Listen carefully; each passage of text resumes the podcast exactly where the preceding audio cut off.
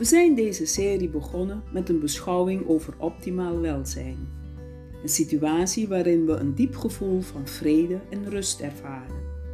We hebben dat aangeduid als inner peace. We hebben ook gesteld dat we die inner peace kunnen ervaren als we ons leven leiden in verbinding met de bron. Een leven vanuit vertrouwen. Als we leven vanuit angst, verliezen we die verbinding. Ons ware zelf wordt dan overschaduwd door ons valse zelf. In deze podcast staan we nader stil bij deze bron, de gele balk uit ons centrale plaatje. Wat betekent deze bron voor ons en hoe zit het dan met die verbinding? Voor we daarna gaan kijken, willen we eerst stilstaan bij de kosmos. Ons leven speelt zich af op de planeet Aarde. En onze aarde is weer onderdeel van een melkwegstelsel, bestaande uit vele sterren en planeten. Dan blijken er ook nog oneindig veel melkwegstelsels te zijn. Met de term kosmos bedoelen we dit grote geheel, alles waarvan we weten dat het bestaat.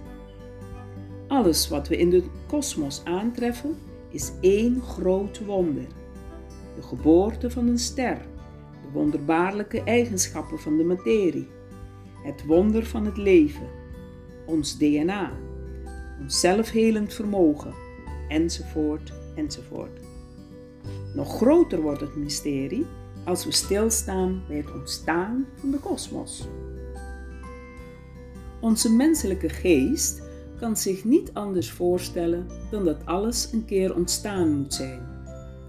Maar hoe kan dat dan? Waar komt alle materie en energie dan vandaan? Hoe is dan het ontwerp van de kosmos tot stand gekomen? En hoe is het daarna gerealiseerd? Het lijkt alsof de kosmos uit het niets is ontstaan. Maar dat lijkt meteen ook weer heel erg onwaarschijnlijk. Veel oude natuurvolken geloofden in het bestaan van een mysterieuze bron waar alles uit ontstaan is. Sinds een aantal decennia heeft ook de wetenschap deze bron ontdekt. Zij heeft kunnen bewijzen dat alle materie uit een allesomvattend veld afkomstig is, het zogenaamde Akasha-veld. De term veld staat voor een onzichtbare kracht Denk daarbij aan een magnetisch veld of aan het veld van de zwaartekracht. Voor ons is de naam Akasha-veld synoniem met namen als het grote mysterie, het al, God, Boeddha, het veld van bewustzijn. In onze podcast noemen we het de bron en schrijven we het met een hoofdletter.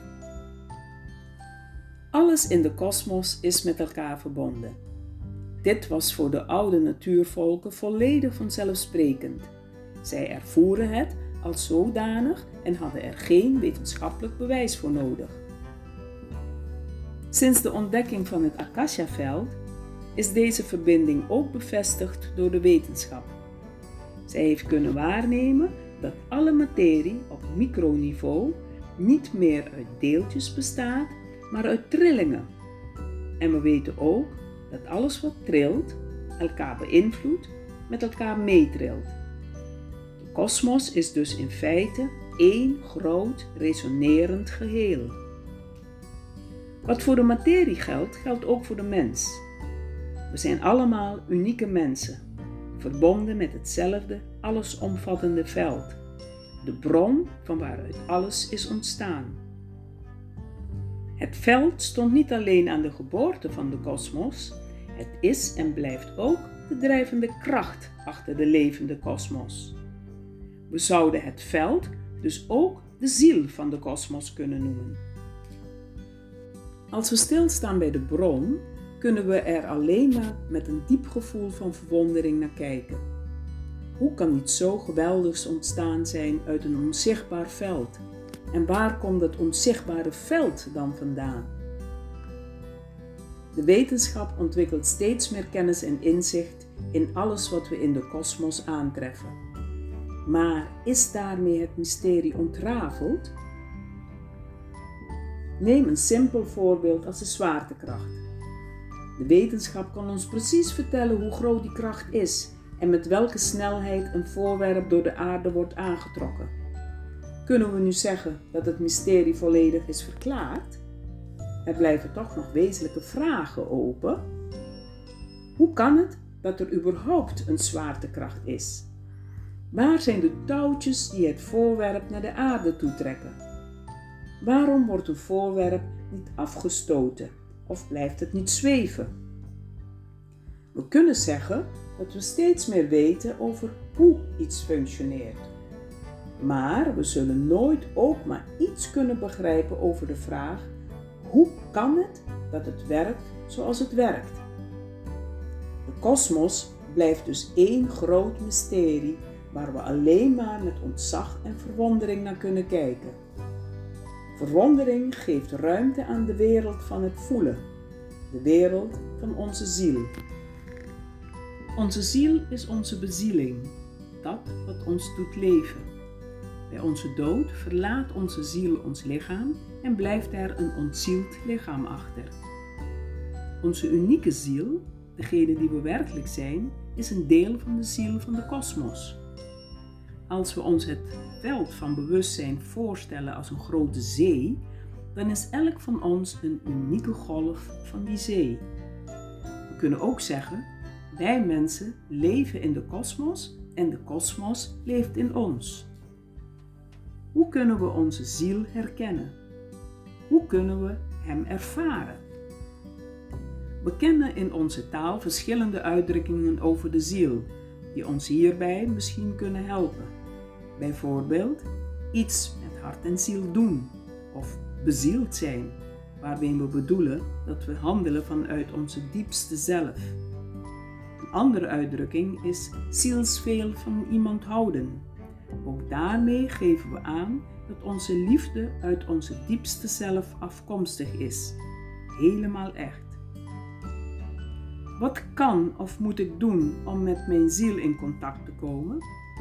We hebben al eerder gezien dat leven vanuit vertrouwen de sleutel is. Als we op het leven durven vertrouwen, ontstaat er ruimte om te voelen. Dan heeft onze ziel de kans om zijn signalen aan ons door te geven. De verbinding met onze ziel kan voelen als een grote weldaad en kan een groot potentieel blootleggen. Deze verbinding staat voor levenskracht, een diepe innerlijke wijsheid en onvoorwaardelijke liefde. Laten we eens kijken of we dat aannemelijk of herkenbaar kunnen maken. Onze levenskracht is onze levensenergie en levensvreugde, onze spontane levensimpulsen. Denk ook aan het voorbeeld van het jongetje dat zingend op zijn fiets zit met zijn haren in de wind. Herken jij bij jezelf een extra impuls op momenten dat je helemaal achter jezelf stond en van daaruit handelde? We zien de levenskracht ook terug in de drive en vastberadenheid van beroemde mensen als Gandhi, Mandela en Martin Luther King. Als we goed met onszelf in contact zijn, komt er ruimte voor onze intuïtie, ons innerlijk weten. We zeggen dan bijvoorbeeld, diep van binnen wist ik het. En als we dat signaal genegeerd hebben, zeggen we achteraf, had ik maar naar dat stemmetje geluisterd. Deze wijsheid wordt ook vaak aangeduid als de wijsheid van ons hart. In de volksmond spreken we ook over ons buikgevoel. Hoe is jouw contact met je innerlijke stem? Onze ziel is ook de bron om te achterhalen welke levensinvulling ons een diep gevoel van zingeving kan opleveren. Onze ziel weet wie we echt zijn, wat onze natuurlijke kwaliteiten zijn en wat onze diepste passie is, waar we ons met hart en ziel voor willen inzetten. Hoe blij ben jij met jouw leven? Hoe goed past het bij wie je echt bent? Onze ziel staat ook voor een diepe verbinding.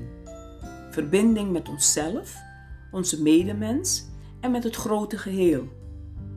Die diepe verbinding kunnen we ook onvoorwaardelijke liefde noemen. Kijk bijvoorbeeld naar de diepe liefdesverbinding tussen een moeder en een kind. We zien het ook terug in de reeds genoemde uitdrukking zielsveel van iemand houden. Als we overstromen van levensvreugde, diepe liefde voelen en ook nog in verbinding zijn met de wijsheid van onze ziel, dan is het niet zo vreemd dat we een diepe innerlijke vrede kunnen ervaren. In onze podcast Meesterschap over ons leven komen we hier nader op terug. Daar gaan we kijken wat we kunnen doen om onze verbinding te stimuleren en hoe we kunnen dealen met de angstpatronen die ons daarbij in de weg kunnen staan.